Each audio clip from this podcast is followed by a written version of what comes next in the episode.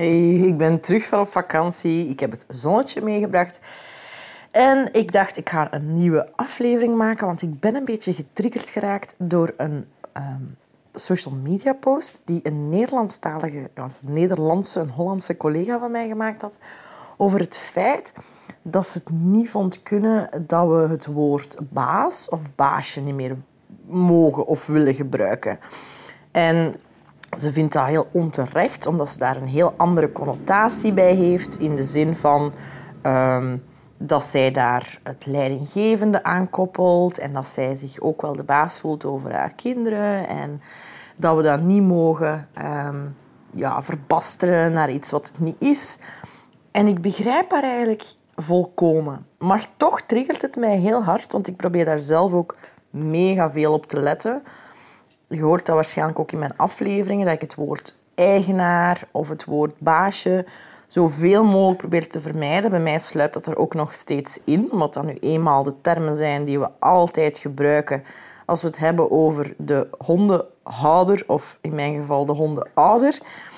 En ik ben eigenlijk het, radicaal niet eens met, met haar stelling omwille van het feit dat onze taal zo machtig en zo krachtig is. En er zit nu eenmaal een hele zware lading op het woord baas zijn, baasje zijn. Um, daar is een bepaalde connotatie mee die niet meer klopt. En ook al vult jij die... Sorry, ik had even telefoon. Ook al vult jij die helemaal anders in, de lading zit op het woord. En als we in onze taal heel beladen woorden blijven houden omdat ze altijd zo gebruikt zijn geweest, dan lijkt mij dat niet de beste keuze. Wij mogen de vrijheid hebben om woorden aan te passen aan hoe ze vandaag, hoe onze maatschappij vandaag is.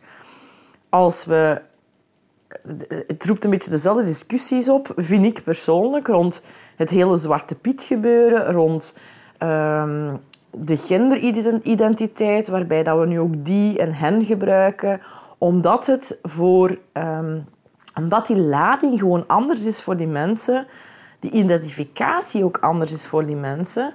Um, jij kan heel goed vinden dat bijvoorbeeld Zwarte Piet... En nu ga ik hier echt een discussie openen tot en met. Hè, maar jij kan heel goed vinden dat Zwarte Piet voor jou gewoon een uh, een hulpje van Sinterklaas is die door de schoorsteen kruipt. Maar voor bepaalde mensen is dat niet. Omdat die lading zo zwaar is, is het fijn dat we dat ook anders mogen gaan benoemen waar die lading niet op zit. Zoals die roetpiet. En dat zijn heel stomme voorbeelden misschien, maar voor mij is, is dat hetzelfde met, het, met het, het woord baas of het woord eigenaar. Volgens de wet zijn wij officieel eigenaar en zijn honden officieel goederen. Ja, in onze beleving klopt dat helemaal niet. Dus waarom zouden wij dat woord in onze taalgebruik, in ons dagelijks leven blijven gebruiken en hanteren? Hetzelfde met het woord baasje. Ja, oké. Vroeger waren onze honden letterlijk werknemers. Hè. Um, zij gingen mee op pad. Zij werkten letterlijk voor ons. Hè. Dat, dat, was hun, dat was het doel van een hond te hebben. Um, dus in, in, in die zin kan ik dat woord helemaal plaatsen. Maar hoe kan je verandering brengen in hoe we samenleven met honden als we zelfs onze taal niet durven aanpassen? Daar begint toch heel veel mee. Het feit dat ik het woord hondenouder gebruik, het feit dat ik het woord hondenmoeder, hondenvader gebruik, heeft een hele belangrijke reden. Daar begint de verandering.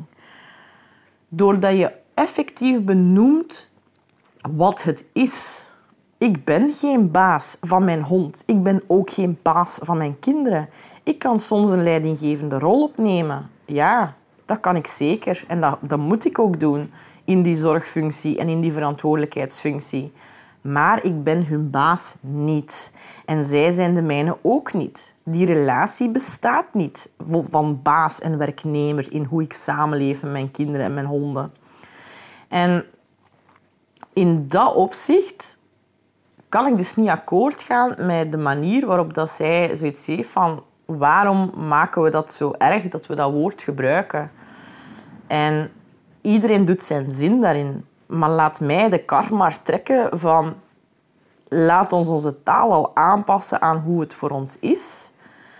En laat ons die beladen dingen als alfa, roedeleider, uh, baas, eigenaar alsjeblieft zoveel mogelijk achterwege laten als je ook meegaat in hoe wij uh, anders samenleven met de honden. Als je daar niet meegaat, noem je gerust zoals dat je wilt. Um, maar ik wil daar de voortrekkers in zijn samen met andere collega's. Onze taal mag veranderen. Onze taal mag aangepast worden. Want anders zitten we nog altijd een eeuw terug. En net zoals dat onze honden nog steeds goederen zijn in de wetgeving, in de Belgische wetgeving. Uh, het is niet omdat die wetten niet meegaan en dat we daar in de middeleeuwen willen blijven steken, dat wij in ons dagdagelijks leven nog steeds over het eigenaarschap moeten spreken. Hè. Um, honden hebben ook een paspoort, hebben een identiteit. Um, die ver verkoopsovereenkomst, ik word daar zot van. Hè. Als, als, je, als je een hond gaat halen bij een fokker, um, normaal gezien gebeurt dat wel onder een bepaald contract. In de zin van dat je daar goede zorg voor draagt, dat je bepaalde dingen niet gaat doen of wel gaat doen met die hond. Um, maar als je een hond in een winkel gaat kopen, laat staan dat het nog kan, hè. het is gewoon absurd dat je het nog kan doen in een winkel, dan hangt daar een verkoopscontract aan vast. I mean, hallo, 2023. Hè. Um, dus in dat opzicht, laat ons alsjeblieft bezig zijn met taal. Laat ons daar kritisch over zijn. Um, en als, als jij die woorden wil blijven gebruiken, fine by me, maar het klopt niet meer. De lading is veranderd. En um, ik wil het niet meer gebruiken. Ik, ik probeer het ook echt niet meer te gebruiken.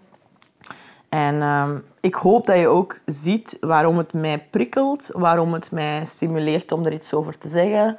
Um, ook totaal geen issue met mijn Nederlandse collega. Um, zij heeft heel het recht en ik zie haar standpunt ook heel duidelijk, want zij geeft er een hele andere lading aan. En, en het probleem is dat 90% van de bevolking dat niet doet. En als iedereen dan maar blijft die woorden gebruiken alsof er niets veranderd is, ja, dan, dan denk ik dat we gewoon um, verandering aan het tegenhouden zijn. Dat we transformatie aan het stoppen zijn, terwijl dat we echt aan het evolueren zijn naar dieren op een evenwaardig uh, niveau te brengen. Ik zeg niet gelijkwaardig, ik zeg evenwaardig in de zin van rechten.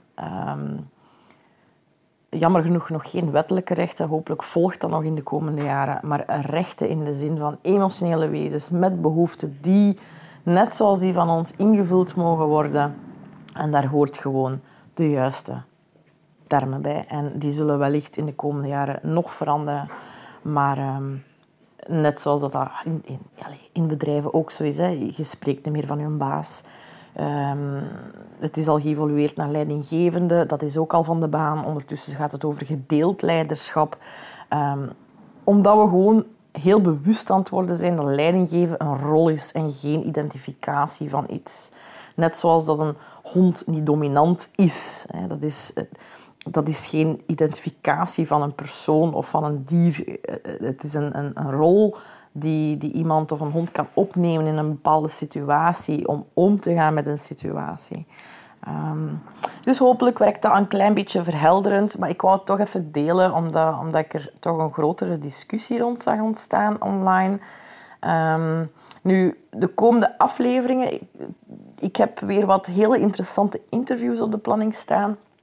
Uh, dus je gaat mij niet meer alleen horen de komende tijd. Ik heb superleuke mensen uitgenodigd uh, die op de podcast willen praten. En dan gaan we weer een stukje dieper duiken in het, um, ja, het identiteitsverhaal van de hond, maar ook hoe we uh, mindful met honden kunnen omgaan. Um, dus ja, hopelijk ben je er weer bij om te luisteren. Tot snel. Salut.